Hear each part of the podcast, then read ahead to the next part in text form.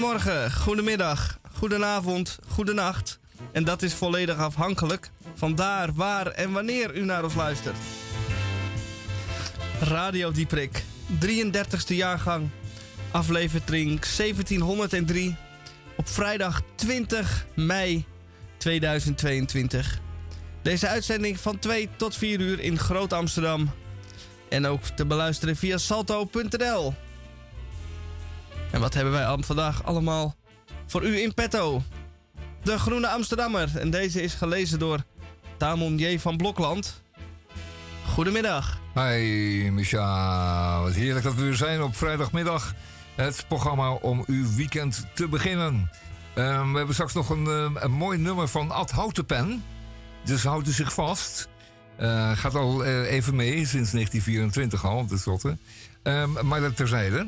Een stuk uh, in de Groene Amsterdammer, ehm, nou ja, mede, mede van Helen Thompson. En Helen Thompson is een van mijn heldinnen. je vindt in, in, je leven moet je een paar helden en heldinnen hebben. En dit is er één van.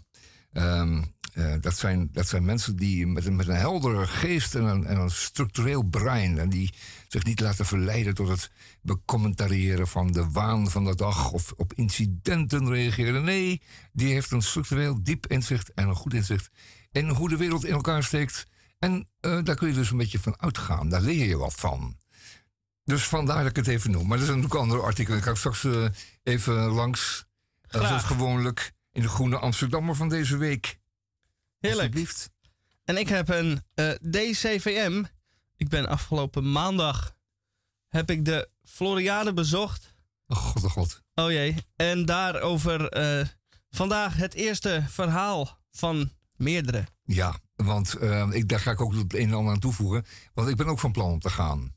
En dan ga ik proberen om niet vooraf al een oordeel te hebben om onbevooroordeeld naar de Floriade te gaan. Ah, dat zal... Uh... Dat gaat niet mee, maar ik ga het toch proberen. Ga het proberen. Ja, het zijn overigens uh, eh, 1190 woorden. En een Floriade basje, dat, dat is ook een aparte sport. Hè. Daar hebben we al het een en ander van meegemaakt de afgelopen twee jaar. nee, vijf jaar geloof ik zelfs. En dat moeten we tegenover stellen... Nee, dat moeten we stellen tegenover enthousiaste verhalen van mensen die in die, op het Floriade terrein al weet ik veel, eh, bijna tien jaar geleden al bezig waren met het planten van bomen. Kijk, dat zijn mensen die structureel zijn en die vooruitdenken. In tegenstelling tot de mensen die nu um, gaan en die dan roepen van. Mm, en dat gaat uh, zo doen. Juist. Dat is mooi gezegd. En dan hebben we ook nog de Krompraat verderop in de uitzending. En voor u twee uur cultuur en muziek. Wat dacht u van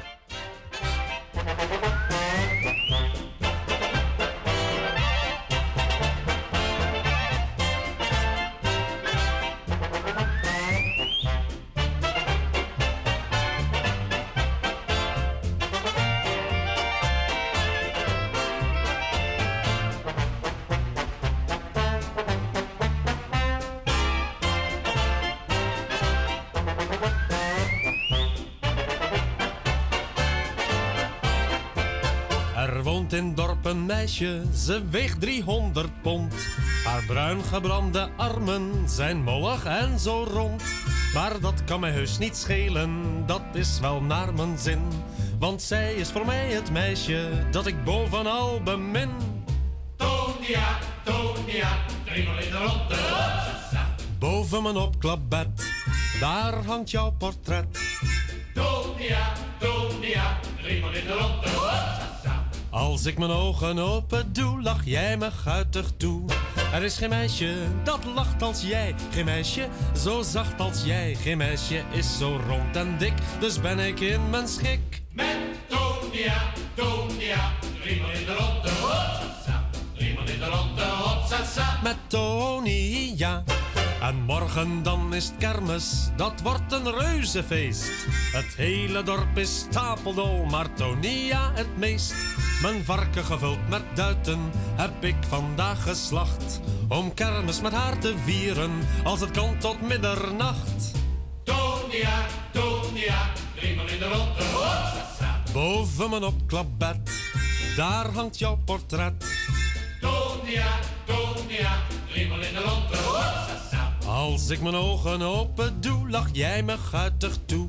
Er is geen meisje dat lacht als jij, geen meisje zo zacht als jij. Geen meisje is zo rond en dik, dus ben ik in mijn schik. Met Tonia, Tonia, driemaal in de ronde. Hotsa, driemaal in de ronde. Hotsa, Met Tony, ja. Maar daar op diezelfde kermis begon mijn grote schrik. Want Tonia mocht nergens in, ze vonden haar te dik. Toen is er een man gekomen, daar sprak ze even mee. Nu is ze als dikke dame met de kermis op tournee.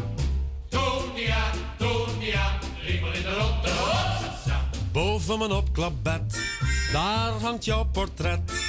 Tonia, Tonia, driemaal in de. Hotsa, Als ik mijn ogen open doe, lach jij me guitig toe.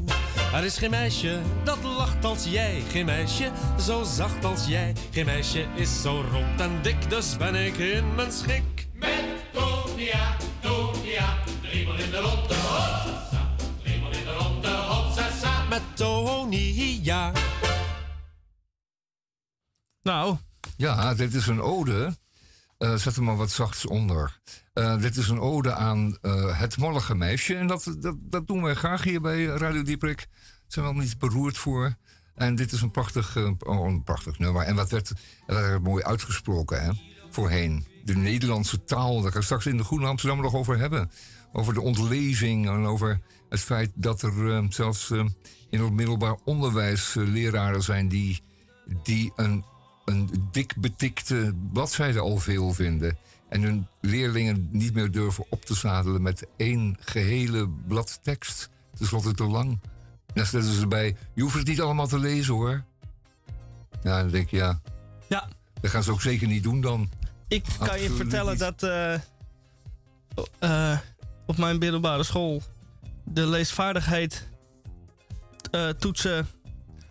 Eh, die, dat ging erom om zo eh, efficiënt mogelijk een tekst te lezen. Dus niet de hele tekst, Oh, maar de, kernwoorden uit een tekst te vissen. kernwoorden uit Dat is tekst hoe je- vissen. hoe ik heb leren Oh, lezen. Ja, ja, ja. Ja. ja, ja. dan zou je wel geen groot liefde... Het is toch nog dat is niet verwonderlijk. Het is wel verwonderlijk dat je dan toch nog zo'n grote schrijver... of althans een schrijver bent geworden... En, en dat je toch belangstelling hebt gekregen voor literatuur. Dat is een beetje tegennatuurlijk bijna... want ze hebben het je proberen af te leren. Natuurlijk moet je wel de hele tekst leren. Het gaat over de context. Waar staat dat woord tussen? Hoe is dat gecomponeerd? Wat is de schoonheid, de vreugde eraan? Eh, het is buitengewoon treurig gesteld met de leesvaardigheid. Ik en denk de dat er alleen, eh, leesbereidheid. En de lezerslust ook. Aan de arbeidsefficiëntie wordt gedacht. Ja, En als de meneer of mevrouw op kantoor digitale teksten. de hele tekst gaat zitten lezen, de hele tijd, in de basentijd. ja, in dat de is natuurlijk niet de basentijd die teksten zitten lezen. Dus je moet Dat hoeft niet. in, eh, al zo jong mogelijk leren om zo efficiënt mogelijk te zijn als mens. Ja, en eh, het liefst, eh, we, hebben, we zijn getraind in 160 tekens, hè? Eerst, en nu mogen we met eh, WhatsApp mogen we iets ruimer gaan, maar ook daar zijn limieten aan. En, ehm, en, en mails zijn ook al vaak niet, eh, worden al vaak als, niet als lezenswaardig gezien als ze te lang zijn. Mag het de hoogstens twee alinea's zijn en dan moet het ook moet echt kappen ermee. Zo'n plaatje kan wel. Ja, plaatje, dat kan wel, ja. Nou, dat doen we hier niet aan maar bij Radio Dieperik aan plaatjes. Eh, wel aan plaatjes natuurlijk. Anders voor plaatjes. Ja, alsjeblieft.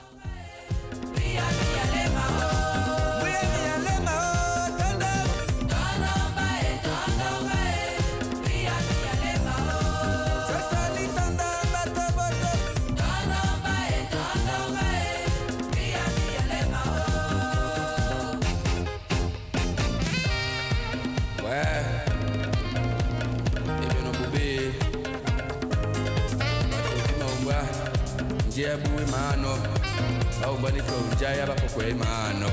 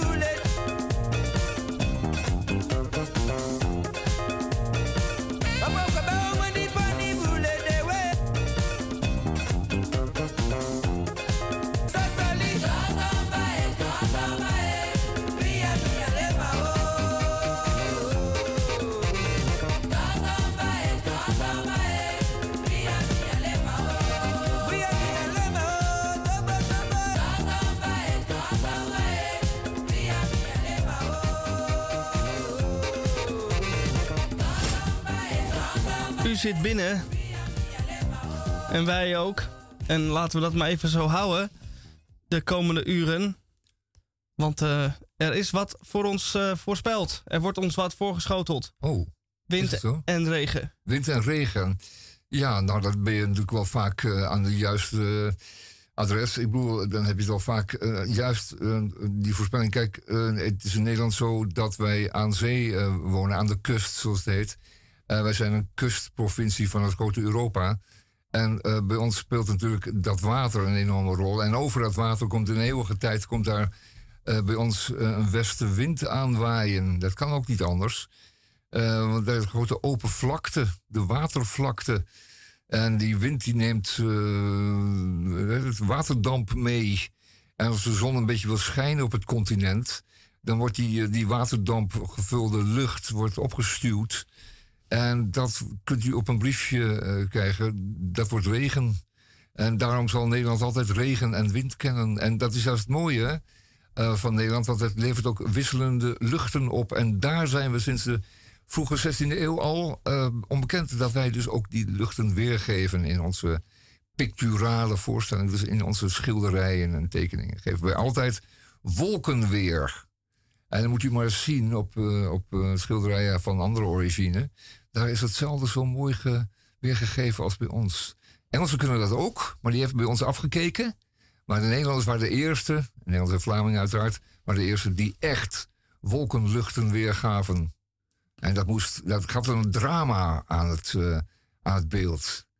En het is natuurlijk ook zo, want het is veranderlijk en daardoor onvoorspelbaar en daardoor spannend. Dus dat, dat is het drama eraan.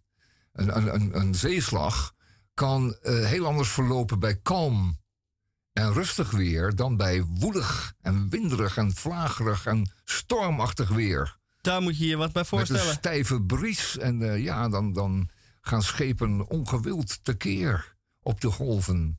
En dan kan zo'n zeeslag helemaal anders aflopen. En dat is bekend, hè? Zeker. Zo'n armada kan gewoon uh, van zichzelf al zinken. Daar hoeven wij weinig aan te doen dan. Dat je al. Kunnen we achteraf dan wel uh, mooi weer mee spelen. Hè? Dan kunnen we zeggen, nou, door onze die armada, Spaanse armada gezonken. Maar nee, daar is wel een storm voor nodig eerst.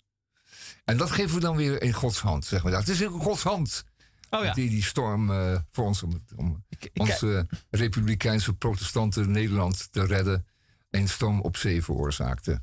Ik kijk hier naar beelden ja. van buiten. Ja. En oh, dat houden we in de gaten, hè? We houden zeker in de gaten. Iemand heeft de deur open laten staan. Ah. Maar uh, iedereen lacht nog. En uh, het Precies, is nog je niet... kunt het aan de gezichtsuitdrukking zien. Ja, zie ik dat het nog geen uh, noodweer is. Als die mondhoeken naar beneden gaan, dan denk je, oh, het spettert al. En als iedereen gaat rennen? Dan, dan gaat het regenen.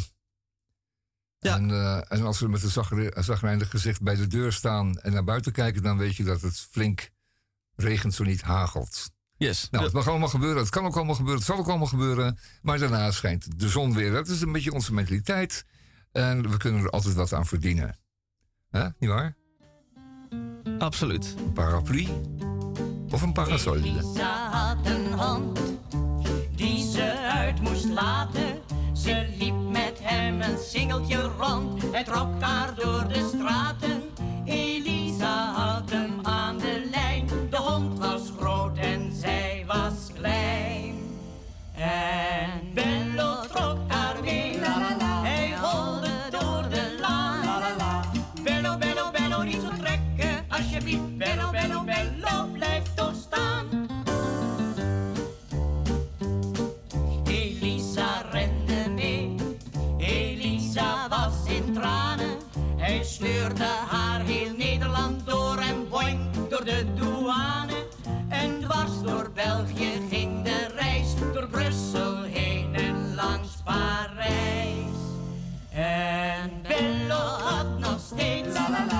那些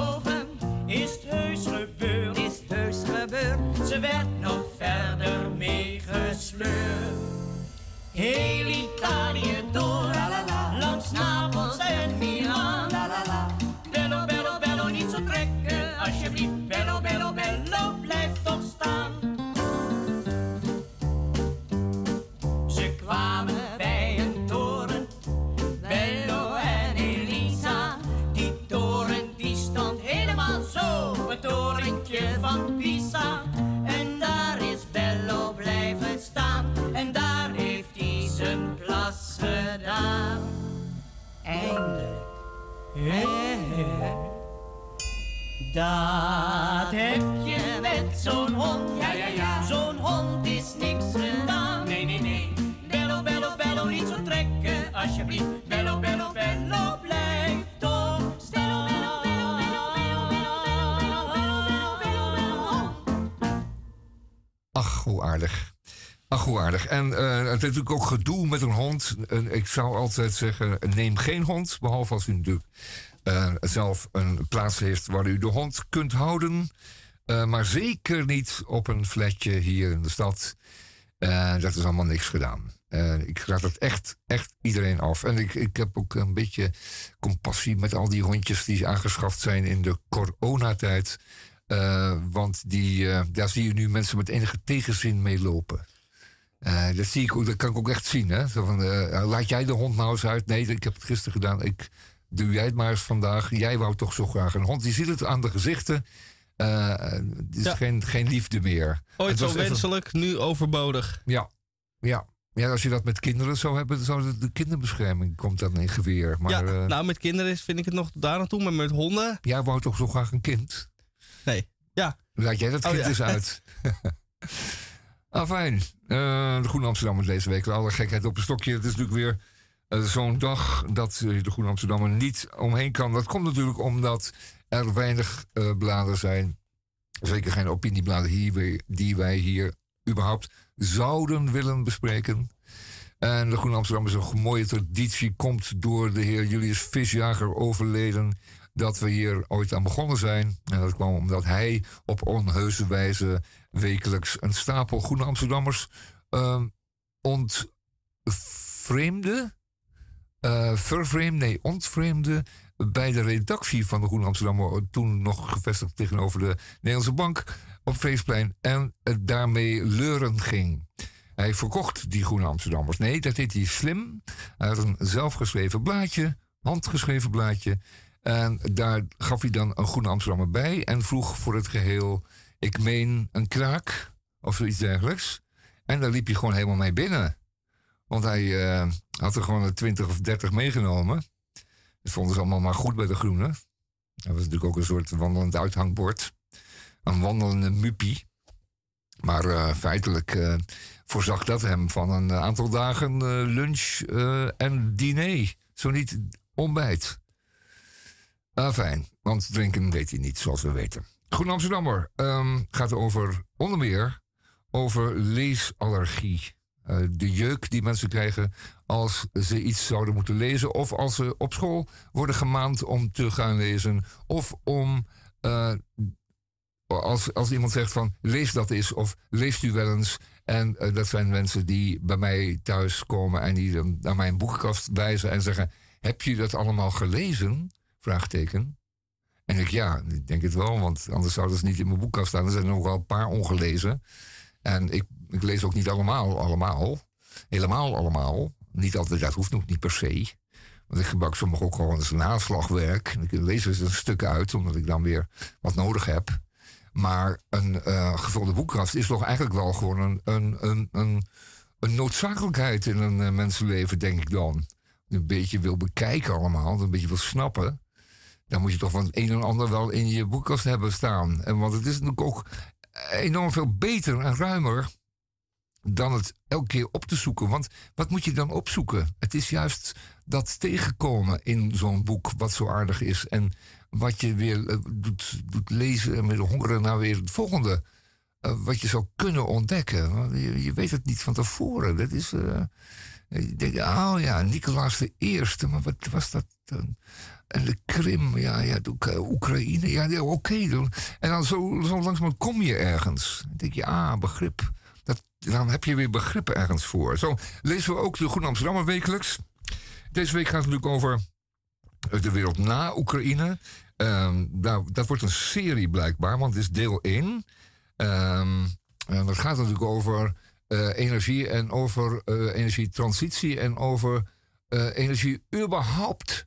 Want wat was het nou? In het verleden, ehm, mensen, kwam de olie uit Saoedi-Arabië, zoals altijd, en uit de Verenigde Staten, maar dat wisten we helemaal niet.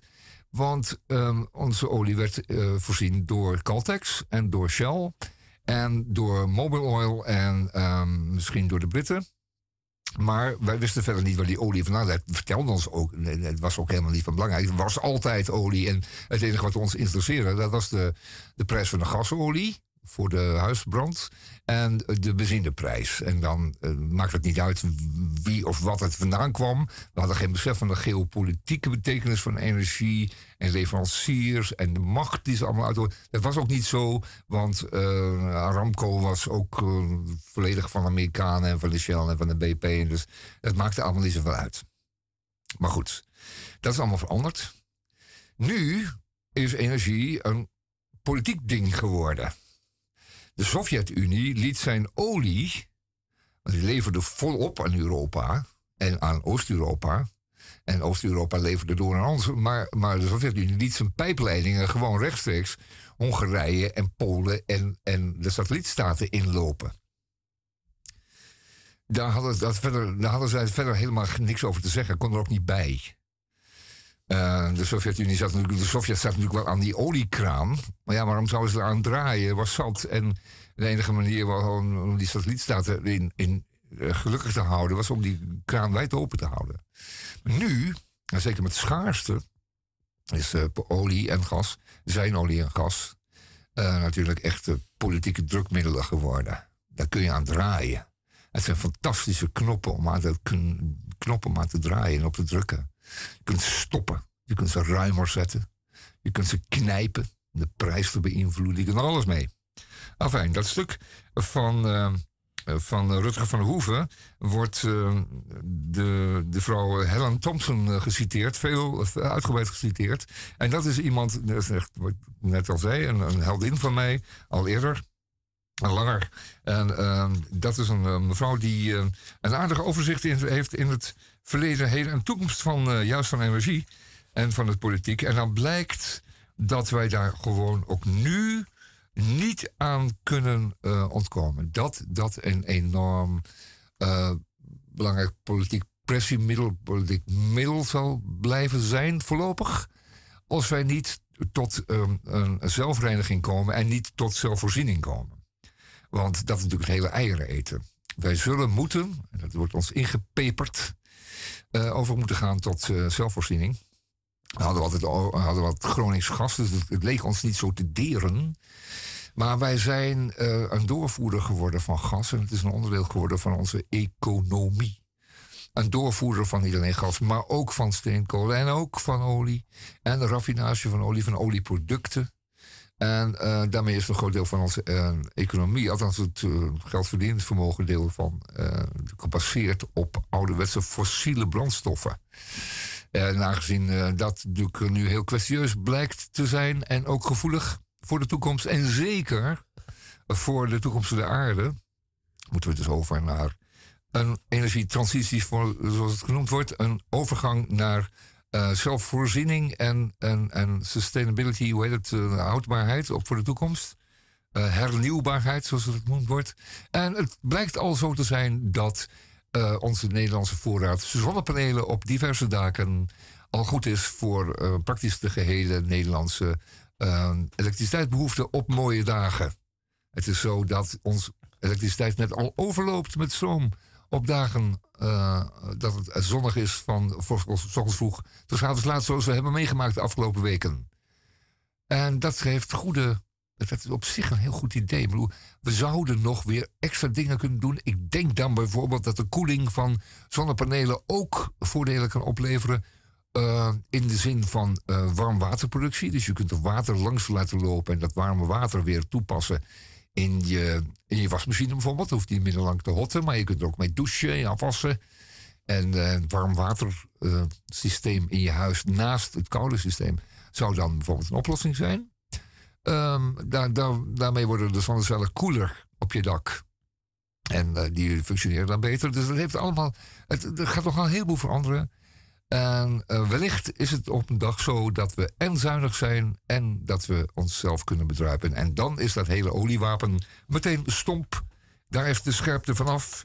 En dan kan Poetin, uh, die, uh, dat kleine Russische tsaartje met die zagrijnige bek, de hond Poetin, kan dan op zijn Amsterdams de coleren krijgen. En de coleren, dat, dat relateert aan de cholera. Nog in de eer vorige eeuw was het een ernstige volksziekte. Die uh, nog in 1876, geloof ik, nog 11.000 doden maakte in Amsterdam. Dus dat, de, de coleren krijgen, dat is toch niets mis. En dat kan niet echt. En er zijn er nog een paar die dat ook kunnen krijgen, wat ons betreft, als Amsterdammer. Afijn, het schip in, dat is het volgende artikel in de Goede Amsterdammer. Ik uh, ja, zit al klaar om een plaatje te draaien, want hij, praat er veel. We eerst maar een plaatje doen en dan ga ik nog eventjes over het schip hebben.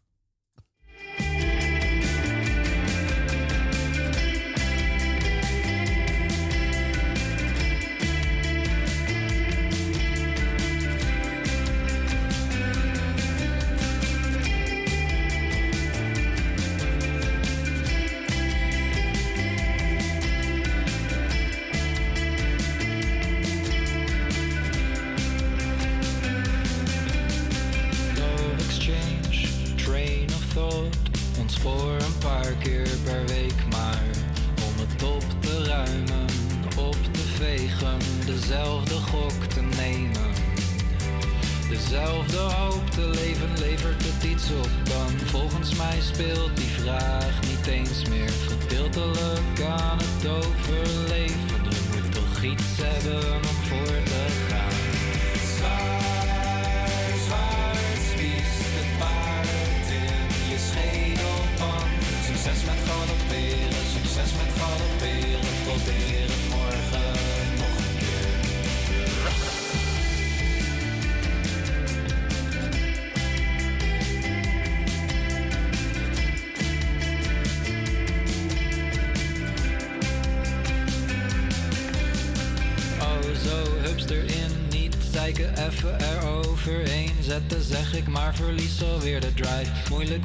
schud het van je af. Wat speelde er ook alweer?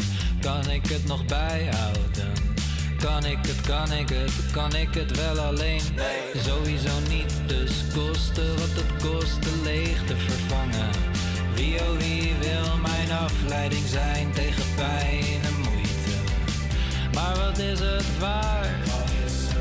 Zwaar dat ik niet balans kan houden hou zoveel vast in mijn hoofd dat het droog en bloot is, droog en bloot is.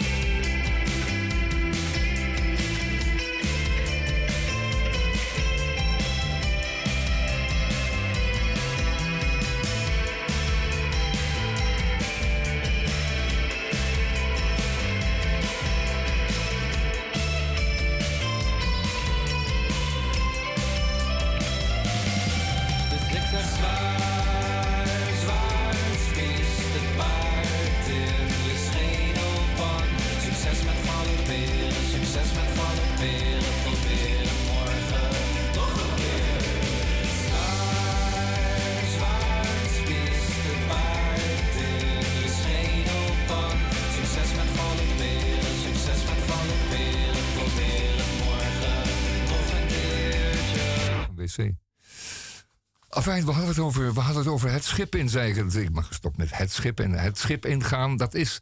Het gaat het schip in. De mooie Hollandse uitdrukking. Hij, ze zijn het schip ingegaan. Een prachtige uitdrukking. Zeggen, het klinkt goed, dat gaat het schip in. Want het gaat vervoerd worden en dan verdienen we procenten. Nee, het schip ingaan betekent dat je. Uh, dan, dan gaat je, je portemonnee het schip in. Wil zeggen, het gaat het schip in, maar je verdient nooit een cent aan. Sterker nog, gaat je geld kosten. En ze zijn het schip ingegaan. Ze zijn daarmee het schip ingegaan. En daarmee is het allemaal verloren gegaan. Het is verpest. Ze zijn het schip ingegaan. Enfin, we gaan nu wellicht opnieuw het schip in. Want, wat is het nou? Um, u weet het ambtelijke molens die draaien traag. Dat is een, uh, ook een Hollandse uitdrukking. Die draaien nu eenmaal traag. Dat komt omdat alles zorgvuldig moet worden voorbereid en voorberekend. En dat gaat tijd overheen, want die ambtenaar gaat op, op tijd naar huis. Om vijf uur doet hij zijn uh, werkjas uit en dan trekt hij zijn eigen jas aan. En dan gaat hij naar huis. En de volgende dag gaat hij weer verder. En ehm, dan kan het dus zo zijn dat als je een eh, grote zeesluis ontwerpt, dat je dan begint om eerst eens historisch onderzoek te doen in de bodem. Kan ik daar überhaupt op die plek een sluis bouwen? Staat de bodem dat mij toe? En dan richt je uh, naar de historische waterstanden. En je richt je naar uh, de toekomst wat betreft de, de, de, beschikbaarheid van uh, bewapeningsstaal en cement. en alles wat je voor nodig hebt. En dat kan dan jaren duren voordat dat echt helemaal uitgetekend klaar ligt. Ehm, uitgetekend voor de aannemer en klaar voor de financiële afdeling en klaar voor de politiek. En dan heb je drie, vier, vijf rapporten, een, een, eh, een armhoge stapel. En dan, is, dan kan het ding gebouwd worden. Dan gaat de eerste paal in de grond. En dan moet je afspreken met Willem-Alexander, die eventjes een middagje komt. En dan uh, gaat de paal erin. En dan moet je afspreken met, uh, opnieuw met Willem. Uh, tegen de tijd dat hij klaar is, dat hij hem even komt openen. Dus je lintje knippen, knopje drukken. En dan is het gebeurd. En dat kost dan, in het geval van de Noordzeesluis, maar ook die bij Terneuzen en nog andere grote werken, kost het honderden miljoenen. En die zeesluizen worden gemaakt natuurlijk op de toekomst, want de toekomst was dat de schepen langer, breder en groter zouden worden. En dat daarvoor grotere sluizen ook in de toekomst benodigd zullen zijn. Nu al is alleen al die sluis bij Terneuzen groter dan die in het Suezkanaal, nee, in het Panama-kanaal of was het Suezkanaal, een van tweeën, een hele grote. En die van IJmuiden is zelfs de allergrootste ter wereld. Mooi, mooi, prachtig. Kost een paar honderd miljoen, eh, om niet te zeggen een, een miljardje of wat. Maar dan heb je ook wat en dat is voor de toekomst. Maar het was allemaal gebaseerd, helaas, kijken we nu terug op, uh, op, op, op, op uh, voorspellingen ten aanzien van het vervoer. Het vervoer. Want daar moeten schepen doorheen. Die schepen vervoeren. Wat vervoeren zij? Zij vervoeren in bulk fossiele brandstoffen. Ja, en dan gaan we nat. Want uh, olie, inderdaad grote tankers. En uh, kolen, inderdaad grote bulkschepen. En uh, vloeibaar gas, ja, inderdaad, grote LNG-schepen. Die vereisen inderdaad grote en ruime sluizen. Maar zullen die nog komen? Hoe zal het gaan met Amsterdamse en Rotterdamse haven in de toekomst? Als er werkelijk een energietransitie, waar ik zo even over had, zich zal voortzetten. Zal het op het termijn niet volkomen overbodig blijken? Zal de sluis in IJmuiden en Terneuzen uh, beter geschikt zijn in de toekomst als zalm, um, kweek, uh, bak of iets voor guppies en of in te vissen? Dat je dan zo'n visclub uitnodigt om te zeggen, nou, we zetten daar wat forel uit. En die hengelen we er dan uh, uit. En die gooi je dan in en dan hengelen ze eruit. En dan kun je kaartjes verkopen. Ja. Als zijn de visvijver. Visclub Eemuiden uh, vist dan in de, in de haven van Eemuiden. In de voormalige, overbodig gebleken, enorme uh, sluis die uh, voor de tijd gevuld wordt met vers zoet dan wel zout water. Beetje de corona-hond, de ja. sluis van Amuiden. Ja, dan ben je de corona-hond geworden, ja. Eerst was je heel erg nodig. En, en uh, toen uh, was Vicky nog een aardig ding. Maar nou, maar nou moet je hem uitlaten. En hij scheidt en hij blaft en hij bijt nog bovendien. Dus ja. Ja, je zegt over de forel vangen. Maar ja. ik voel ook dan een... Uh, de, kunnen we ook de terugkomst van het paling trekken weer vieren. Ja, ik heb, ik heb, het, altijd, ja, uh, ik heb het altijd jammer gevonden dat juist het palingtrekken uh, was verdwenen. Want dat gaf een mooie positieve uh, blik op de paling. Hoe nodig hij was, hoe gewild hij was en hoe bijzonder hij was. En, maar dat wordt dan als een ruw en vreemd gebruik gezien. Als een primitief vreemd gebruik. Ja. maar laten we wel wezen, mannen. Uh, we hebben het hier niet over uh, kistkalveren trekken of, uh, of uh, mest, uh, mestvarkens trekken of hm, dikbilkoeien dingen ze. Nee, walvis werpen. Walvis werpen, kapaling trekken. Dus dat, dat is altijd heel arbitrair. Dat is altijd buitengewoon um, multi-interpretabel wat wij daar aan eng vinden, vies vinden, ruw en wreed vinden. Het kan zomaar verkeren. Het opblazen van kikkers, ja. Had het nou zin? Het werd gedaan, maar Wat was de zin daar nou weer van? Nou, in ieder geval, we draaien wat muziek hier op de vrijdagmiddag bij Radio Dieperik. Radio Dieperik is er voor u om uh, u zachtjes te laten wennen aan het zalige niets doen, de dolce farniente van het komende weekend. Heerlijk. Zo dadelijk de DCVM. Fijn.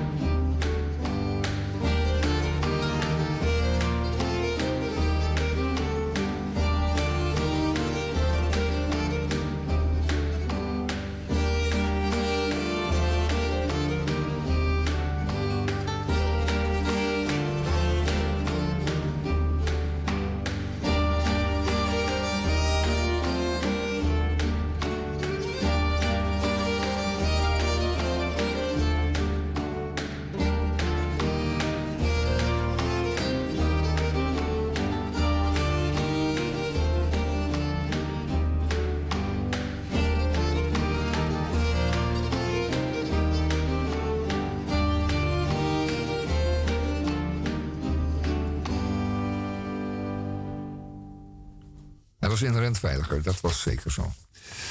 Um, we krijgen nu de voordracht van Misha Gorky over een heel nieuw fenomeen.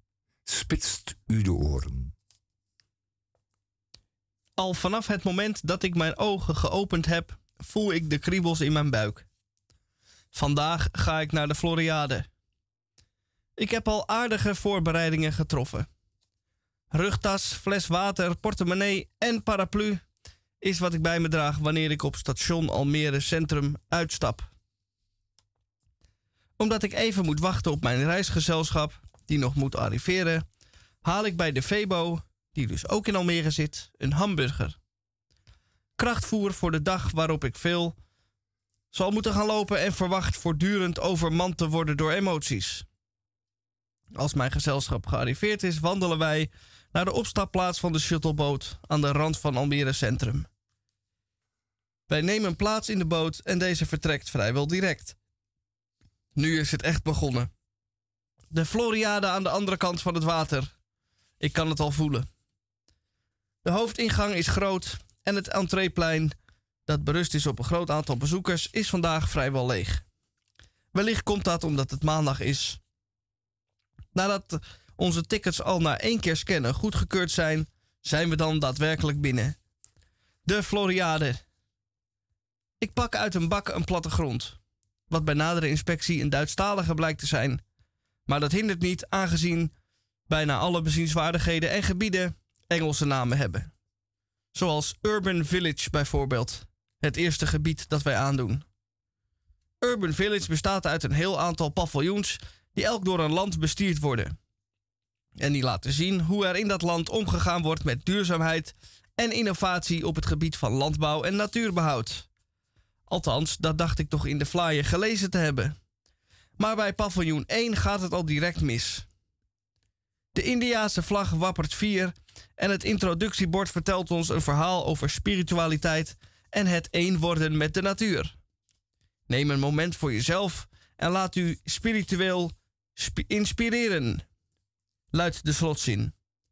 Maar na een grindpad met aan weerszijden niks afgelopen te hebben, komen we binnen in een souvenirwinkel die allerlei Indiase prularia verkoopt, die je ook op de dappermarkt had kunnen scoren. Wierook, houten olifanten, stenen en meer van hetzelfde. Omdat wij hier niet genoeg spiritueel geïnspireerd door zijn geraakt, lopen we zonder over te gaan tot aankoop weer naar buiten. Het paviljoen van Zuid-Soedan doet het niet veel beter. Op een slecht onderhouden grasveld staat een inspiratieloze bouwkeet die eveneens gevuld is met souvenirrommel. beeldjes, fluitjes, doeken, djembe's. Djembe's? Wie koopt er nou een djembe op de Floriade?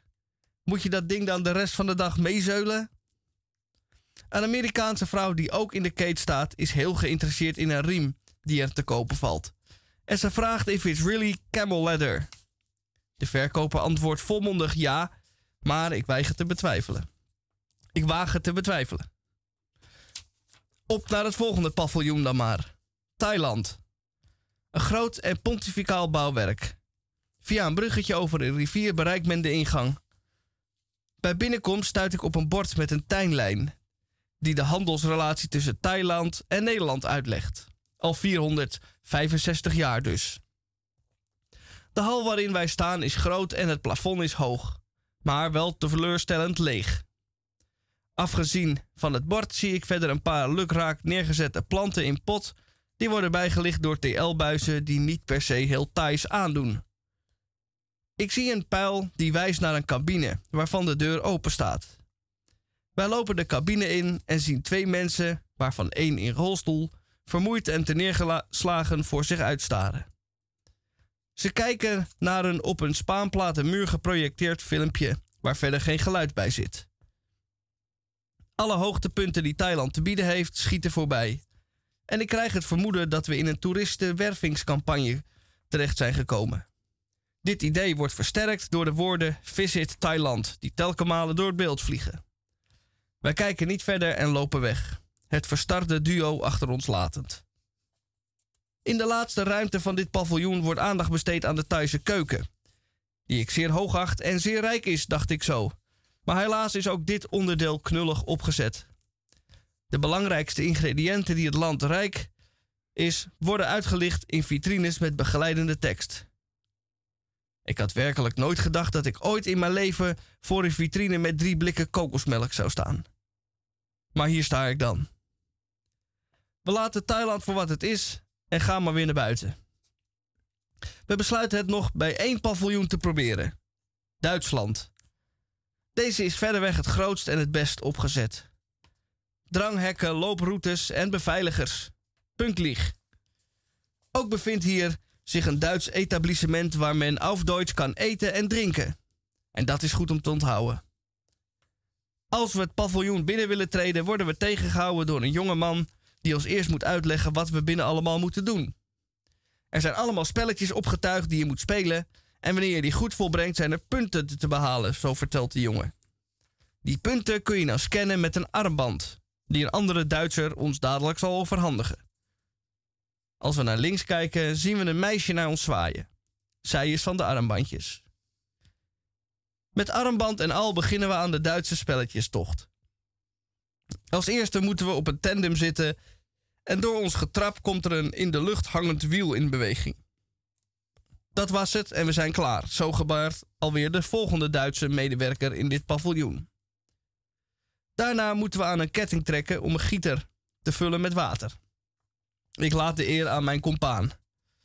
Zonder aandacht te besteden aan de begeleidende tekst naast de ketting, begint hij te sjorren aan die ketting.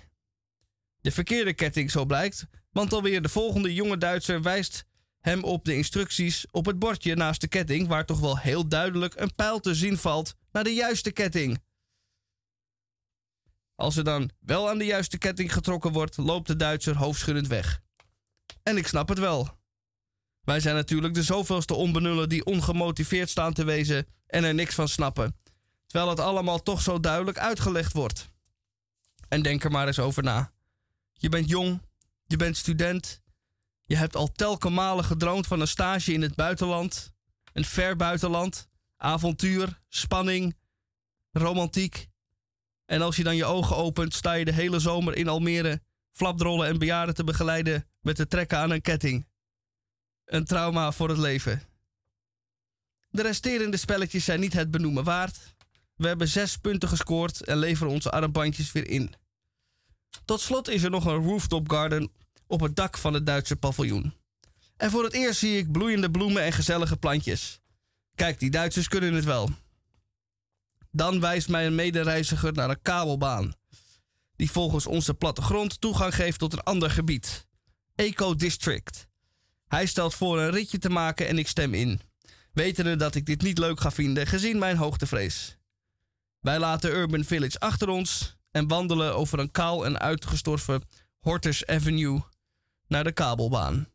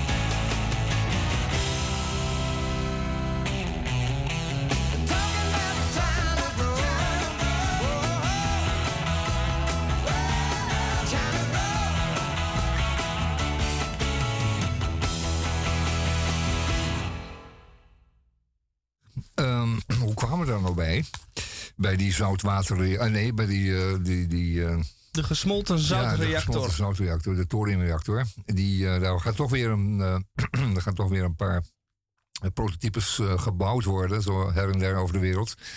En daar komen we natuurlijk op omdat eh, het kernenergie toch voor velen een stuk van de toekomst zal zijn, of vinden dat het een stuk van de toekomst zou moeten blijven omdat het zo bijzonder leuk weinig eh, CO2 eh, eh, genereert. In tegenstelling tot al die andere oplossingen die men denkt te hebben, behalve natuurlijk het zelf genereren van energie met behulp van wind en, en zon, zonlicht, is dat natuurlijk voor grote vermogens en voor het bijvoeren van al die gratis wind- en zonne-energie natuurlijk wel interessant. Daarmee zouden we dus nul, tot, zouden we dus tot nul CO2-generatie kunnen komen. En natuurlijk het maken en het bouwen van al deze machines en instrumenten kost natuurlijk ook een hoop in CO2. Laten we wel wezen. Maar uiteindelijk zal bij de productie eh, het allemaal heel laag blijken te zijn. Dus thorium, gesmolten zoutreactor. De reactor die passief veilig is, wil zeggen dat je niet, als je niets doet, als je alles loslaat, alles laat vallen, dan stopt die reactor gewoon mee. Die, eh, die reactie die, eh, wordt gestopt. En dat komt dan niet tot, eh, tot smelt. Zoals bij Tsjernobyl was. Hè. Dan was die, als het koelwater niet meer rondgaat, dan smelt het ding. En die klomp gesmolten spreidbare, stof, die, die, die gaat op weg naar, naar de aardkern. Het is gewoon niet meer te stuiten, zo heet. Die reactie blijft maar doorgaan. Enfin, ehm, hoe kwamen we daarop? Eh, ja, dat is echt heel merkwaardig. Dat zullen we nooit Meltdown heet dat. Meltdown, die brandt zo door, Ah, ja. door, door tientallen meters beton heen. Dat, dat, gaat, dat stopt niet meer. Nooit meer. Nee, nee, nee, die gaat door. Zolang er als, eh, eh, spuitbare eh, stof is, zal die reactie door blijven gaan, die kernreactie. Ehm, maar hoe komen we hier? Oh ja, ja, natuurlijk. Ja, ja, hoe komen we de Almere, de, de tuinbouwtentoonstelling, de Floriade in Almere, die staat ook gedeeltelijk in. nou, Nee, eigenlijk, nee, die staat eigenlijk hoofdzakelijk ook in het teken van, ehm, eh, van een nieuwe kijk op, op, eh, op, eh, op de natuur. En op natuurbehoud natuurlijk. En op ehm, diversiteit, biodiversiteit. Diversiteit moet ik zeggen. Niet diversiteit, maar diversiteit. En eh, op sustainability, op nieuwe methodes van, van constructie in de huizenbouw en in de, in de techniek. allerlei innovaties. Daar heeft Nederland een aardig paviljoentje van opgetrokken. Maar als ik zo hoor van het verslag van eh, Michel, wat hij zo even gaf. ehm, moet u voor het tuinbouwaspect, of althans het opwindende beleven van een eh, exuberante tuinbouwtentoonstelling, toch even wachten. Wellicht. Ja, maar dat is lastig met, eh, met zo'n Floriade. Hij moet op zijn hoogtepunt zijn, hè? Dat is het met, eh, met de keukenhof. Daar ga je ook niet Ja, naartoe de, als de die, als bloemen die- en de planten. Ja, Ja, nou, dat moet er een komt eh, zijn. volgende week eh, natuurlijk nog een deel 2 Oh, van het verhaal. Waar, Oh, ik, het verhaal, ja. waar ik dit ook... eh, ik dacht van de Floriade, maar van, de, van het verhaal over van de verhaal Floriade. over de Floriade. Ja, Ja. waarin ik ook iets meer over het buiten vertel. Nu was het vooral binnen in de paviljoens. Ja, en, en dichtbij, En hè? Volgende een week half wordt uurtje hè? Volgende week wordt het buiten. Ja, Ja. na een half uur bent u op Almere. Oh ja. Centraal. Centrum. En dan kunt u met de bus of een boot naar de, of eh, boot, ja. naar de Floriade. Ik zou de boot nemen. Ja, zeker de boot. Altijd doen, want eh, de Floriade is natuurlijk ook een waterstad. En Almere is dat eveneens. Dus een boot is dan altijd het gegeven, eh, oh, hè, het gegeven vervoermiddel. Eh, je heb een een vraag aan jou. Ja. Tamon. ja. Ken jij het lied Lady Madonna? Lady Madonna. Heb je het wel eens, Children at Your Feet. Het is, van, eh, het is van The Beatles. heb je het wel eens gezongen horen worden door Elvis? Nee. Nee. Nou, dan gaan we daar Nou, nu ik naar vind dat luisteren. Elvis er niet overal aan mag komen, maar ik ben benieuwd.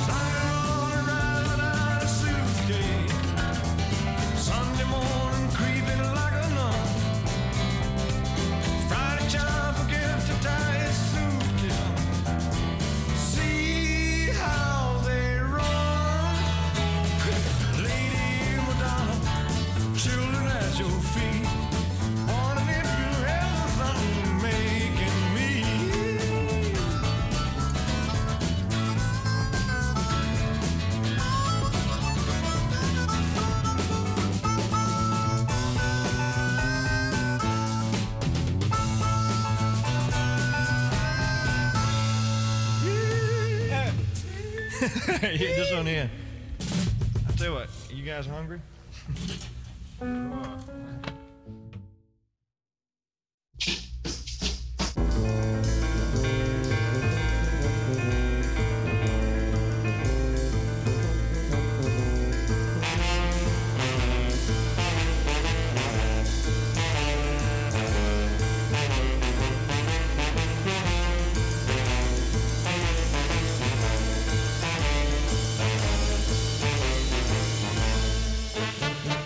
Goedemorgen, goedemiddag, goedenavond, goedenacht. En dat is volledig afhankelijk Vandaar waar en wanneer u naar ons luistert. TPRCK, Radio Dieprik. 33e jaargang, aflevering 1703. Op vrijdag 20 maart. Het is week 20 en we zitten in het tweede uur van 3 tot 4. We hebben straks nog de Krompraat. Onder leiding van mevrouw de weduwe D. Den Denderen Edelenbos. Zeg maar Dora. En verder houden wij u natuurlijk op de hoogte van het laatste nieuws. En de laatste weetjes op het gebied van zo'n beetje alles. Maar bij Radio Dieprik, omdat wij bijna het weekend ingaan, eerst maar even dit.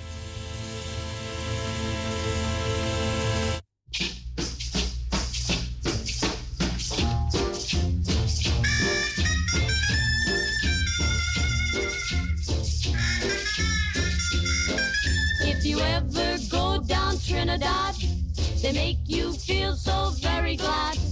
Calypso sing and make up rhyme, guarantee you one real good fine time. Drinking rum and Coca-Cola, go down Point Cumana, both mother and daughter, working for the Yankee dollar.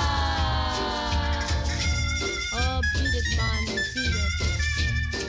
Since the Yankee come to Trinidad, they got the young girls all going mad. Young girls say they treat 'em nice, make Trinidad like paradise, drinking rum and Coca-Cola. Go down Point Cumana, both mother and daughter, working for the Yankee dollar. Oh, you vex me, you vex me. From Chickachickarry to Mona's Isle, native girls celebrate his leave. Make every day like New Year's Eve. Drinking rum and Coca-Cola. Go down Point Cumana. Both mother and daughter working for the Yankee dollar. It's a fact, man. It's a fact. In old Trinidad, I also fear the situation is mighty queer. Like the Yankee girl, the native swoon when she heard her bingle croon, drinking rum and Coca-Cola.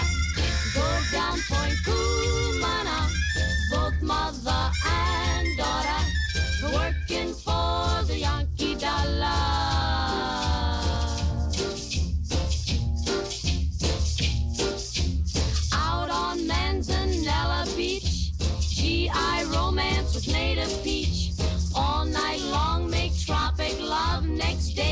in hot sun and cool off, drinking rum and Coca-Cola. Go down Point Cumana, both mother and daughter, working for the Yankee dollar. It's fact.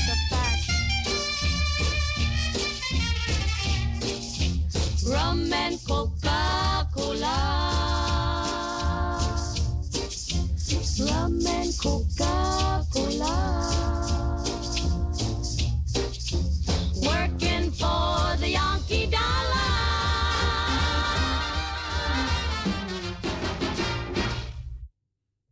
Rum en Coca-Cola van de Andrew Sisters. En over cola gesproken. Ik fietste hier vanmiddag naartoe, naar de studio van Salto in Pakhuis de Zwijger. En ik had het een beetje warm. Het is erg klam en benauwd buiten. En toen kreeg ik acuut trek in een ijsje. En een van mijn favoriete ijswinkels is eh, Tovani op de Nieuwmarkt. Maar daar was ik niet in de buurt. Ik stond gewoon bij een winkeltje met een vrieskist. En daar trok ik uit een Calippo. En een Calippo is een cilindervormig ijsje. Wat naar de aan de onderkant een beetje afloopt. Waardoor je het makkelijk in de hand kan vasthouden. En hoe je een Calippo eet, ik at dan de Calippo Cola variant. Hoe dat dan eet, is u haalt het eh lipje weg. En dan kunt u door hem helemaal onderaan aan de onderkant van het ijsje te drukken, komt het ijsje een beetje naar boven. En wat ik dan altijd doe in ieder geval, is dat ijsje een beetje afhappen aan de bovenkant. En dan eigenlijk even wachten. Dat lukt dan meestal niet, dat wachten. Maar als het je wel lukt, wachten om op het moment dat het ijs een beetje gesmolten is. En omdat je dan dat bovenkant een beetje eraf gehapt hebt, valt hij er wat dieper in. En dan kun je hem eh, gaan pletten. Dan kun je dus eigenlijk aan bijzijden erop drukken, zodat je een soort Calippo Cola ijsmoes krijgt. En die drink je dan naar binnen. Dat is hoe u een Calippo Cola dient eh, te nuttigen. En dat heb ik vanmiddag dus ook gedaan. En vandaar dat ik hier nu zo fris en fruitig zit. Want dat is wel de opkikker die ik even nodig had. Calippo Cola.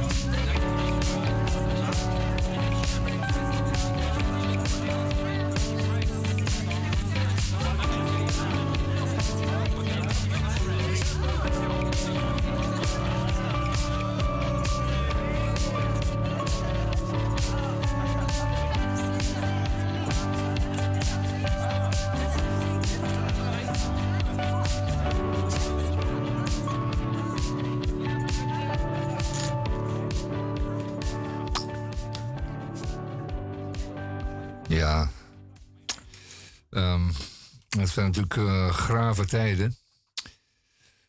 Zoals altijd. Er is altijd wel iets te jammeren, te mekkeren en te piepen. Maar we zijn het hier in het Westen toch heel erg prettig eh, voor ons. Ehm, eh, het is nog steeds zo dat wij met het, ehm, met het minst bezwaarde gemoed ons autootje volladen om eens een heerlijke zomer door te gaan brengen in Frankrijk. Tussen de croissantjes en de verse groenten. In het zo heerlijke dorpje en dan heerlijk de wereld, de wereld laten. Want die kan ook door zonder ons echter. Ehm, in de Groene Amsterdammer staat een stuk, een essay van Sana Valiunlina. Ehm, dat is een, eh, een mevrouw uit eh, Estland. Eh, ja, en Estse. En die schrijft, wat, eh, die, schrijft, die, schrijft een aantal, die heeft een aantal oorlogsbespiegelingen voor ons. Ehm, dat Rusland, eh, voorheen de Sovjet-Unie, was natuurlijk een buurland van Estland. En eh, Estland is lang onder de Russische knoet geweest. En zij heeft nu de vrijheid, proeft nu de vrijheid. En eh, ziet dat Rusland en die voormalige Sovjet-Unie naast haar als, een, als dat wat het werkelijk is. En die bespiegelingen, die eh, schrijft ze in de Groene Amsterdammer van deze week. Eh, de tijden dat de Sovjet-Unie in de Groene Amsterdammer als zijnde een uh, knijterlinksblad eh, werd, eh, werd bewonderd en, werd, eh, en bewonderd werd besproken, zijn er al lang voorbij. Want wat is er gebeurd? Er is eerst een Tsjetsjenisatie en daarna een Poetinisatie over eh, Rusland. De federatie wordt genoemd. Eh, nu gegaan. Dus eh, m- zij spreekt van een Poetinisatie, een soort hardheid, een soort onverschilligheid.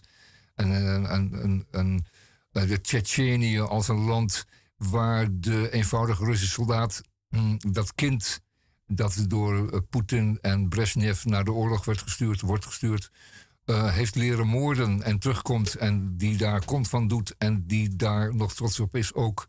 ehm, Russische omaatjes die zeggen: neem wat voor me mee uit eh, Oekraïne, want daar hebben ze alles en wij hebben hier niks.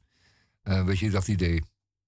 Ehm, maar het is geen fijn stuk wat, eh, wat daar staat in de Groene Amsterdam. Maar het is echt, het is werkelijk bloedstollend. En als je dus leest wat de, de heersende mores is, wat het verhaal is, het narratief in wat nu in Rusland in de federatie rondgaat over de plaats van eh, Rusland in de wereld en de terechte ingreep die de federatie eh, gepleegd heeft in Syrië, Tsjetsjenië, Georgië en nu dus ook in de Oekraïne, dan reizen je de haren te bergen. Ehm, het is moeilijk om, om. Het is rottig om te lezen. Het is gewoon. Het is, heel naar. Het is heel naar. En eh, zij zegt, ja, dat, dat komt omdat. Ja, dat komt niet, maar dat is gekomen door dat de wereld eigenlijk niet goed of niet snel en niet adequaat heeft gereageerd op de inval die de Sovjet-Unie in de tijd deed in Tsjetsjenië. En de manier waarop Tsjetsjenen werden behandeld en waarop daar met zeer harde hand en met ehm, werkelijk gruwelijk harde hand eh, is ingegrepen in Tsjetsjenië. De manier waarop Grozny is platgebombardeerd enzovoort, enzovoort. En de wijze waarop die Kadyrov is, eh, in, in, in zijn macht is gezet in eh, Tsjetsjenië. En waar we nu ook opnieuw dus mee hebben te dealen. Want die eh, Kadyrov die stuurt zijn strijders, zijn moordenaars nu opnieuw naar de Oekraïne. Om daar in, in de naam van de Russische Federatie al door te gaan met moorden. Wreed te zijn. Echt stoer, mannelijk, wreed, zweet. Denk aan Poetin, halfnaakt op een paard, zonder zadel. De man uit te hangen, die weet te doden. Uh, net zoals het in bepaalde kringen uh, stoer wordt gevonden om schapen, om je kinderen schapen te leren doden, slachten. Dat, uh, dat is een voorwaarde voor mannelijkheid. Hè? Ten slotte, ja, niet omkijken, niet piepen, gewoon dat mes erin en draaien ermee. Hij, hij, zegt: Ik rouw om Oekraïne en ik rouw om Rusland. Om mijn prachtige moedertaal, vervuild door criminelen. om mijn familie en vrienden, om iedereen die gegijzeld is door de bezetenen met imperiale im- ambities. Ik rouw om de Russische literatuur en cultuur die nu in de ban worden gedaan. Verleidelijk en ook nog eens moreel zelfbevredigend om zwakkend af te straffen, omdat de echte geschuldigen zich in een onneembare bunker hebben verschanst.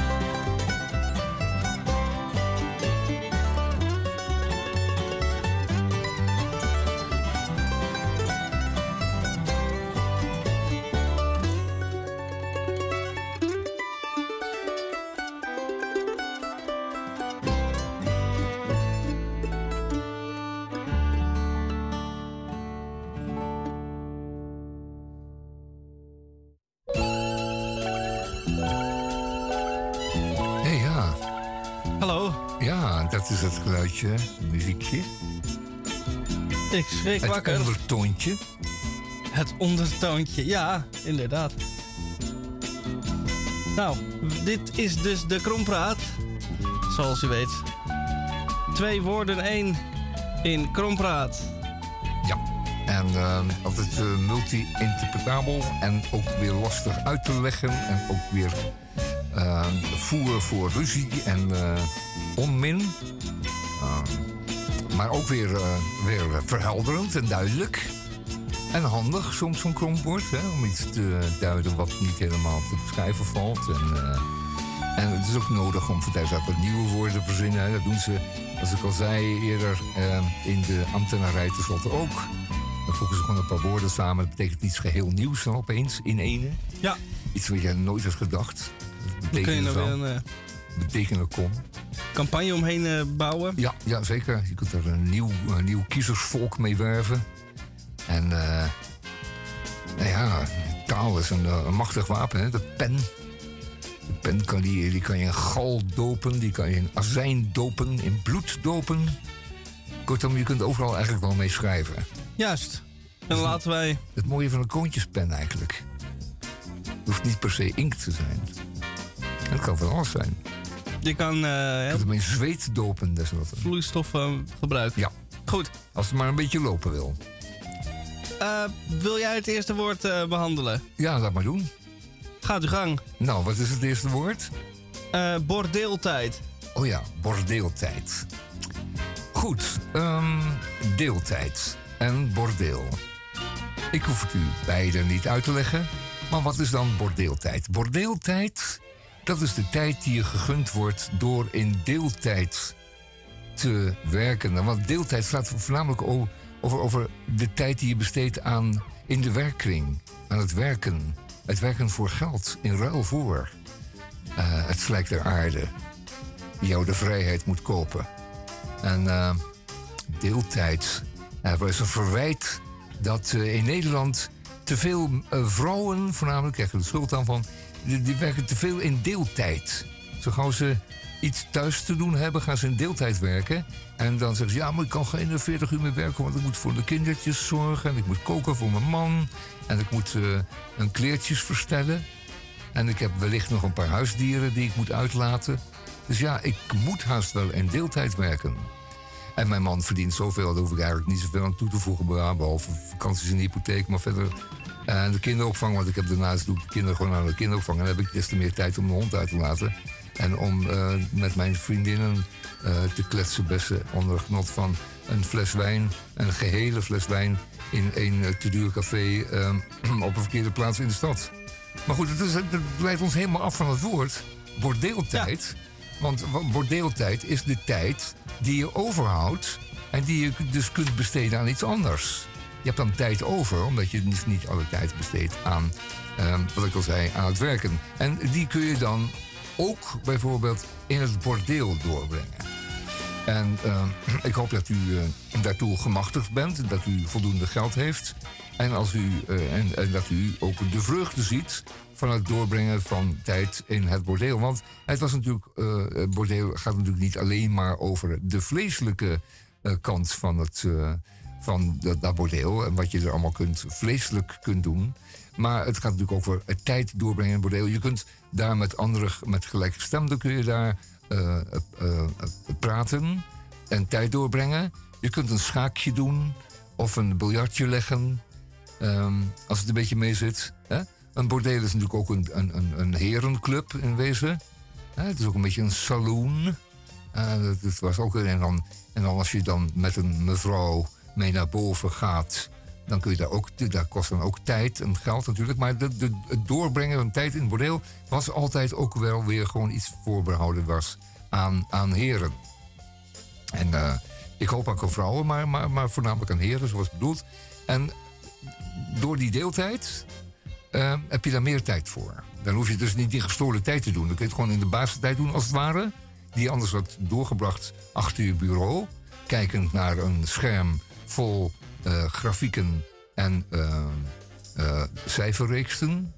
Die dan iets zeggen over iets anders dan het bordeel en de dingen daar. En dan, dan doe je om één uur doe je hem dicht. Sluit je af. Sluiten, afsluiten. En dan ga je naar het bordeel. En dan breng je dan de tijd tussen 1 en, en, en 5 door. Die normaal, had je die, was je dan productief geweest. Achter je bureau. Dan had je bijvoorbeeld rapporten geschreven of, eh, of andere cijferreeks eh, geproduceerd. Waar iemand anders dan weer wat mee kan. In ieder geval, bordeeltijd dus. Ik, eh, ik ben ervoor. Ik ben Ja. voor bordeeltijd. Oké. Ja, en, en dat het dan in deeltijd geschiet, ja, dat, dat, dat moet ook. Want je kan niet de hele tijd doorbrengen, het bordeel. Want dan, dan krijg je zo'n gevoel van, wat, wat, wat is mijn leven nou nog waard? Nee, het moet in deeltijd geschieden. Je moet er daarnaast nog iets anders doen. Toch?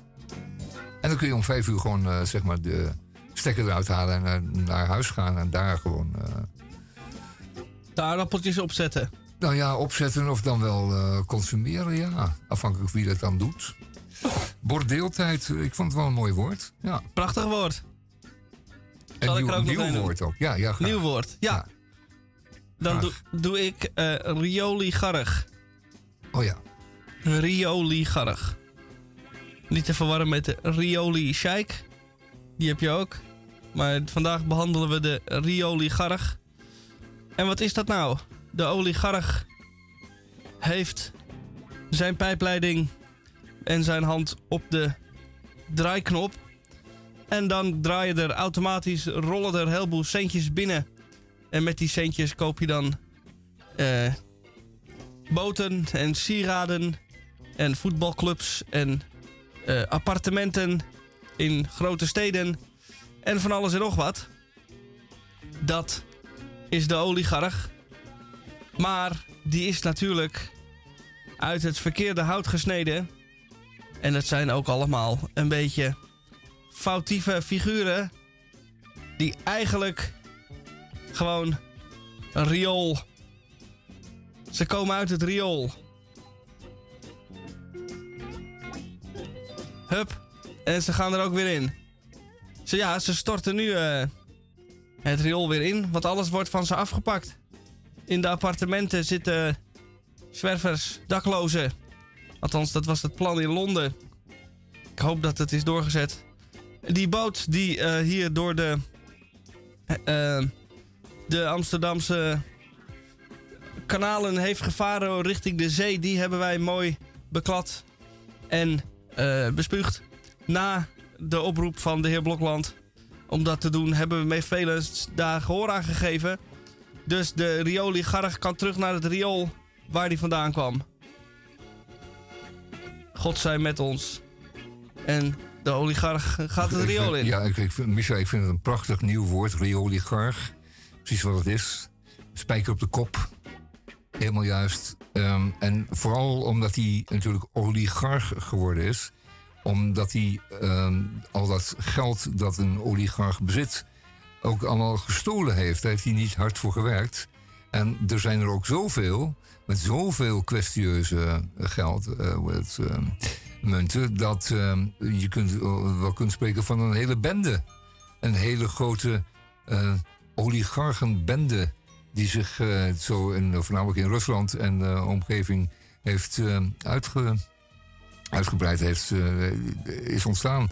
En die hebben ook de brutaliteit gehad om eh, dan bijvoorbeeld in eh, Malta of eh, aanbelandende, aanbelendende percelen, Cyprus, een, een Europees paspoort te verwerven. Die kunnen ze eh, zich in, in, over de hele wereld eh, bewegen, ook nog een keer. En ze daarmee, leken daarmee on, ongrijpbaar geworden. Totdat ze toch te plotselig werden en te brutaal. En zich nu achter de verkeerde hebben geschaard. Achter de Hitler van de Russische Federatie, de heer Poutine. De hond Poutine die eh, aan moorden is in, eh, in de Oekraïne. En daarmee hebben ze natuurlijk voor eeuwige tijd hebben ze hun eh, goede naam verkloot en verkwanseld. En hun scheepjes en hun huisjes zullen ze afgepakt worden, hoop ik. En uiteindelijk zullen ze voor uh, moeten verschijnen. En eerst nog in Den Haag, bij het internationale strafhof. of misschien wel in de Oekraïne, in Kiev, voor de rechtbank. In ieder geval, rioligarch. Een nieuw prachtig woord, gemunt door Radio Dieperik.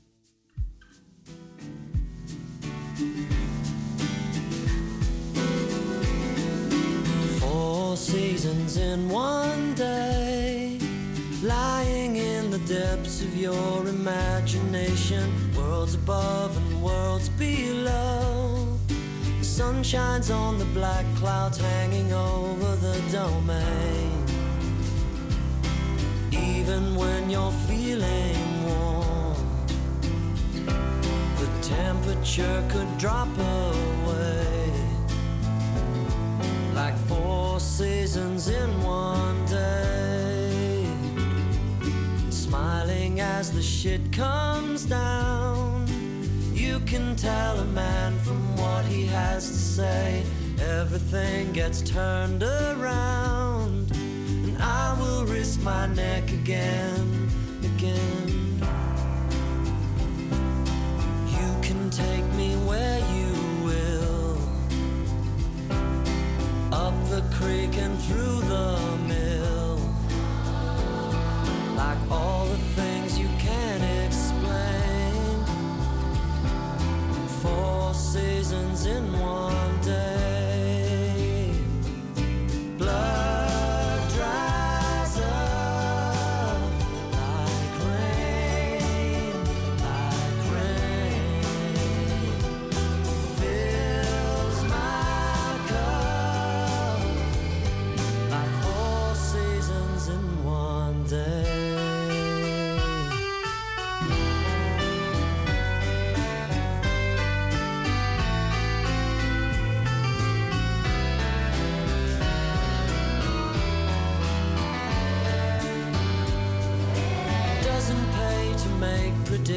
sleeping on an unmade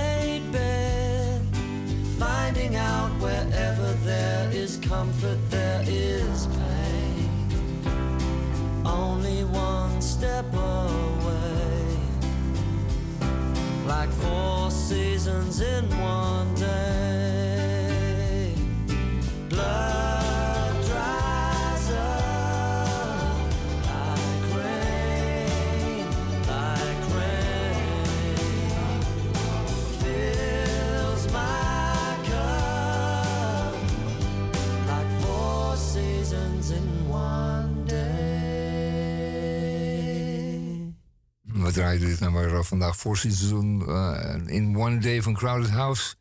Ehm Australische of Nieuw-Zeelandse groep? Weet je dat nog? Eh, ik ga even Zeg kijken. goed. Was het niet Nieuw-Zeelands dan toch? Het, Ze komen uit Australië. Australië toch? En gelukkig. nummer wat wij net hoorden, Four Seasons in One Day, staat op hun eh, Spotify-pagina als het achtst eh, meest gedraaide nummer. Ja, ik kan me wel voorstellen. want Het is wel wonderschoon gezongen. Ja, maar er zijn dus zeven nummers nog vaker beluisterd. Ah, ja, Van ja. hun. Nou, Ja. ik kan me wel voorstellen welke dat zijn, maar dit is ook een prachtnummer. We draaien dit eh, op verzoek van eh, het barpersoneel. Ja, we doen dat niet vaak hoor, maar het barpersoneel van eh, Café De Zwijger.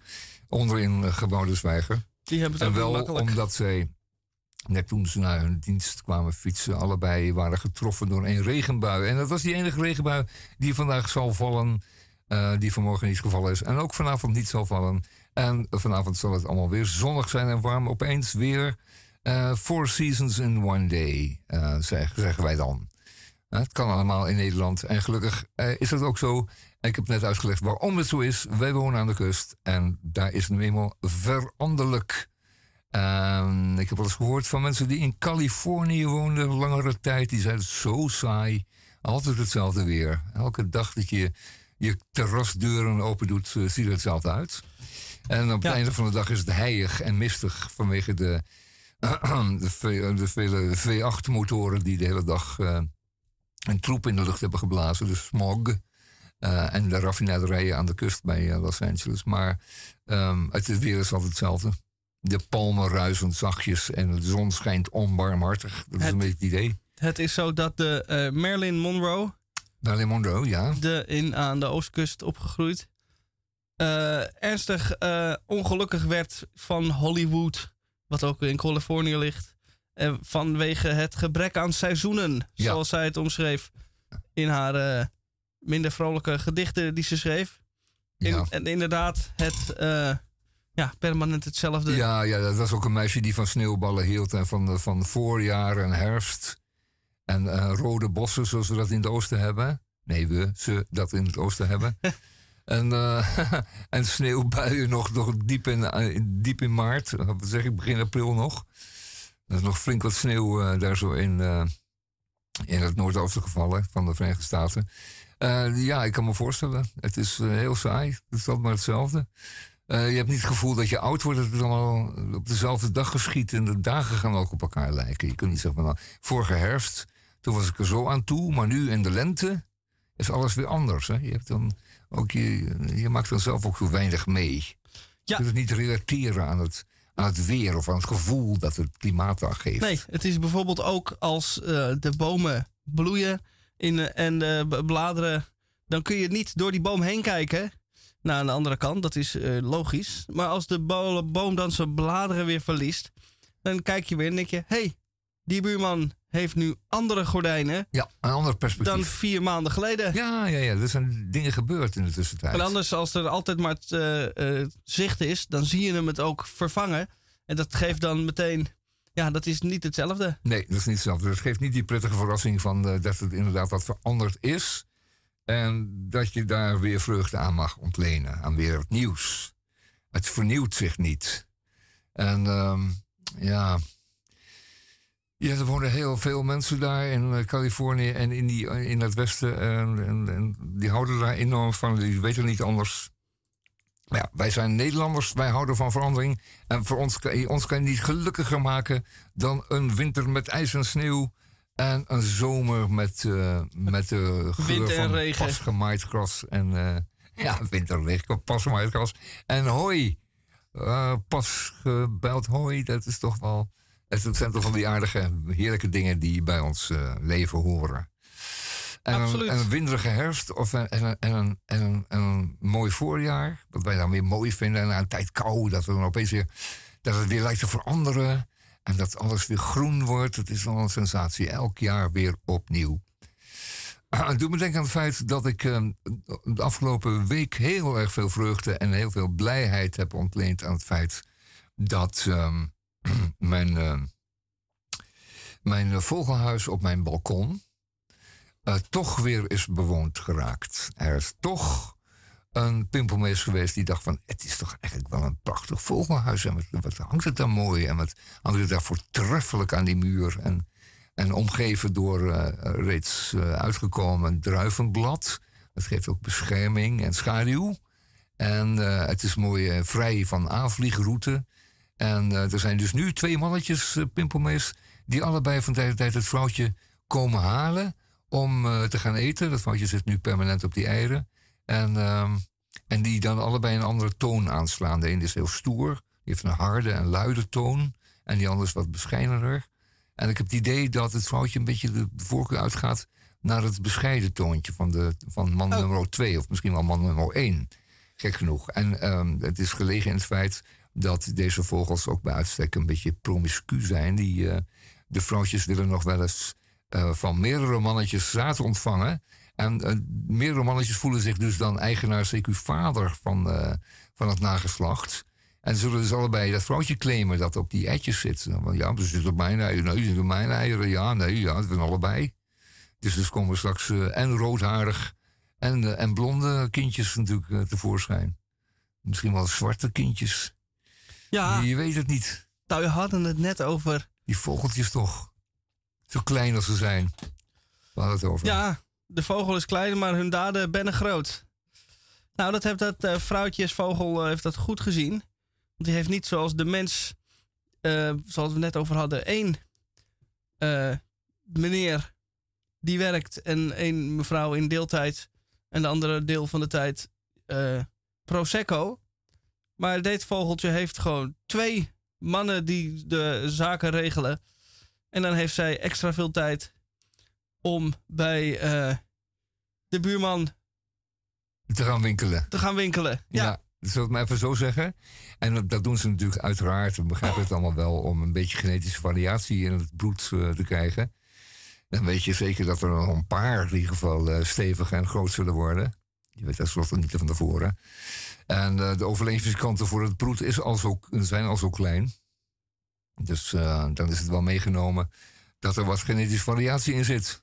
Maar ja, er staan wel twee mannetjes te zingen in de boom aan de overkant. Kom maar nou uit, kom, we gaan een hapje eten. Je zit er al lang genoeg op, zeggen ze dan. En dan eh, komt het vrouwtje even tevoorschijn en is dan een aantal minuten weg tussen de bomen. Om eh, spinnen te eten en rupsen. Goed, eh, tot zover het biologisch nieuws. We gaan nu over naar Ik zou wel eens willen weten, waarom zijn de bergen zo hoog? Misschien om de sneeuw te vergaren, of het dal voor de kou te bewaren. Of misschien als een veilige stut voor de hemelboog. Daarom zijn de bergen zo hoog.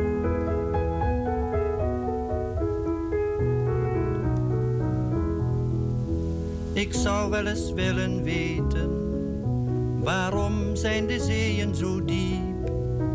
Misschien tot geluk van de vissen, die het water zo slecht kunnen missen.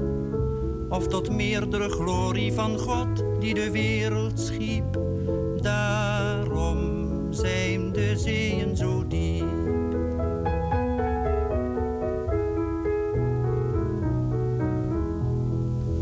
Ik zou wel eens willen weten, waarom zijn de wolken zo snel? Misschien dat het een les aan de mens is, die hem leert hoe fictief een grens is. Of misschien is het ook maar eenvoudig een engelenspel. Daarom zijn de wolken zo snel.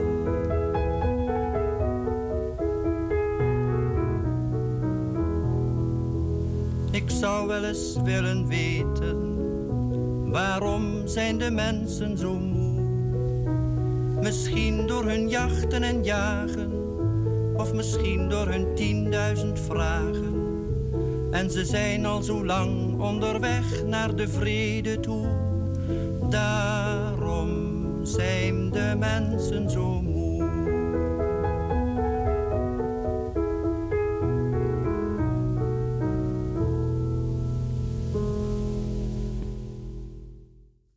Dat was een prachtig nummer van eh Jules de Korte. Ja, tijdloos. Absoluut, absoluut tijdloos. En dat zegt iemand die eh, eigenlijk van eh, de Who en Jimi Hendrix houdt. Maar dit prachtige Nederlands, zo prachtig uitgesproken. En dan weer genot voor het oor. De, de tekst is eh, ook... Nee, nee, de, de tekst is... De inhoud van de tekst. Eh, hoe zou je dat nou zeggen? Ehm, het is een heel klein mooi gedichtje. Het is heel fijntjes en, eh, en heel menselijk. Klein, klein gehouden. Oké, dankjewel voor je piano en voor je stem. Blinde man. Eh, we draaien nog wat van Hoe natuurlijk om het goed te maken. The Kids Are Alright. Uh, die gaan we zo even draaien, want dat is natuurlijk een eh, typisch eh Hoe-nummer. Eh, u hoort ook wel dat echt de Hoe, toen ze begonnen, het is nog echt garage. Het is, je hoort alles waardoor ze later groot zijn geworden en beroemd en, en rijk en, en, enzovoort. Maar toen waren ze dat toch zeker lang niet. Maar een van, die, een van de vele bandjes in Engeland. Eerste LP, meen ik zelfs, Mono, nog. My Generation heette die LP. 1965. Ja, 65. Toen waren die rotjongens ook maar 13, 14, 15. Maar dat nummer eh, was toen nog goed.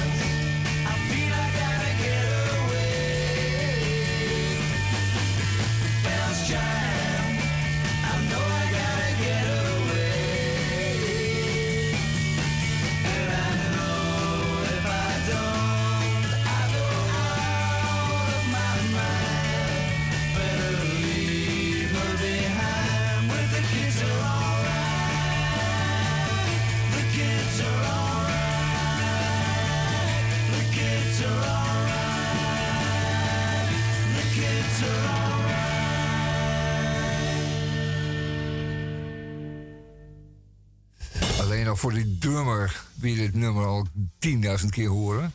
Ehm, hier op het originele, ja, waanzin.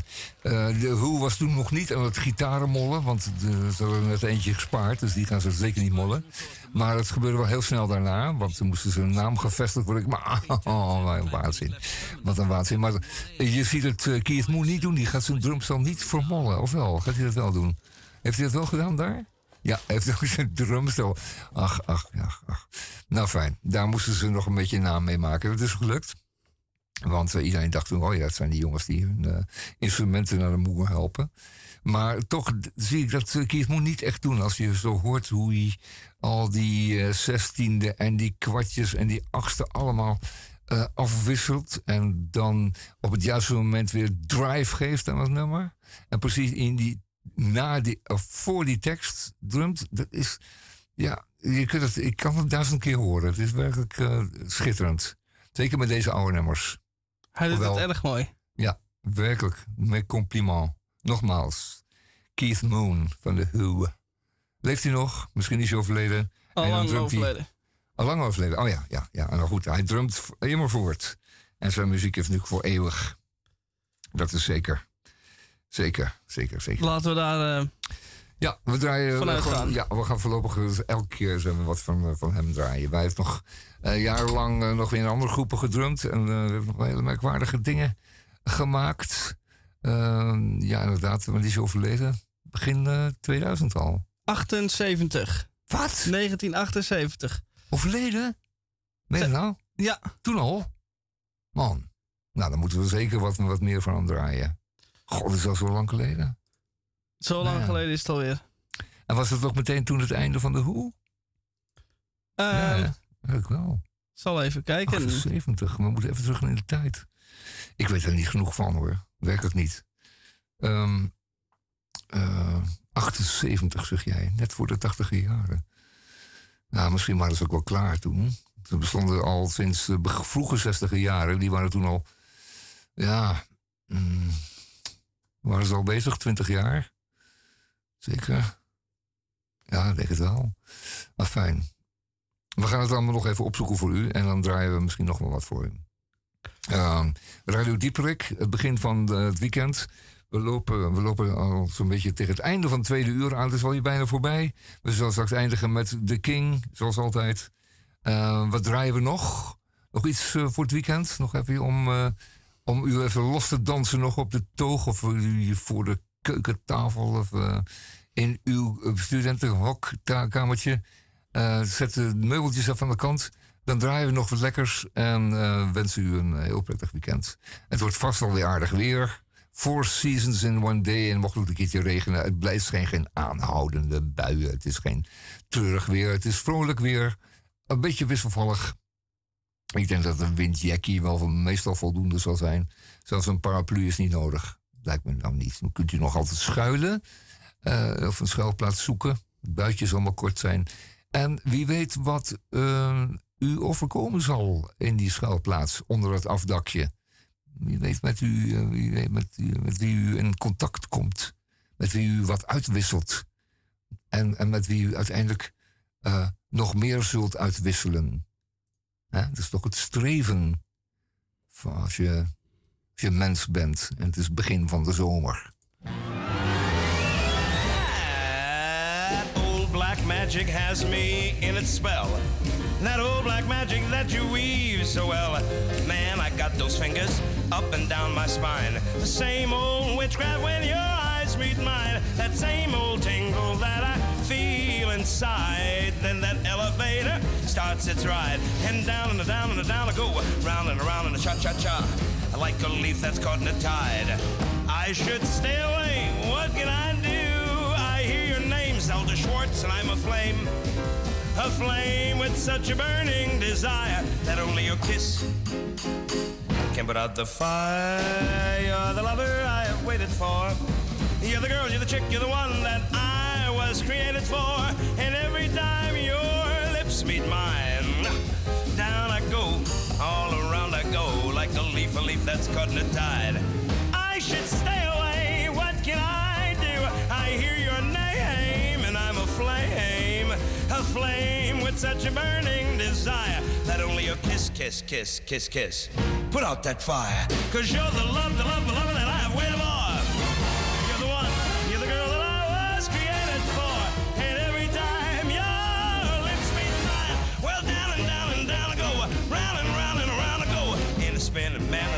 That I dig, that spin I'm in. Hey, Lordy Mama, old black magic car. I'm not a dirty robber, old black magic car. Who he? I'm Pinky Lee, old black magic caller. Meanwhile, back in the back of the bus, I'm under that old black magic collar.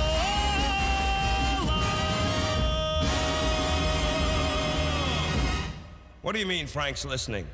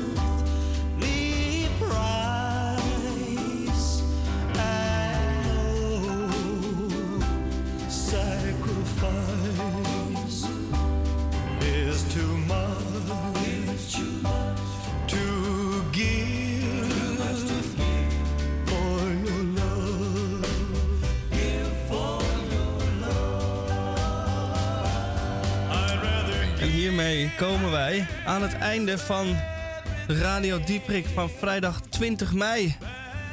We gaan even door Elvis heen praten, dat vindt hij vast niet erg.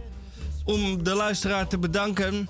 En ik wil ook Tamon J. van Blokland bedanken voor zijn grote aandeel in deze uitzending. En zoals iedere week. Ja, schudt hij het allemaal gewoon even uit zijn mouw. Nou, het is, als je met z'n tweeën bent, heb je natuurlijk altijd een groot aandeel. Maar Micha, jij bedankt voor een voortreffelijk eh, eh, weerslag van een bezoek aan de Floriade. Gaat u dat ook doen? En dan zien we graag uw bijdrage ook tegemoet.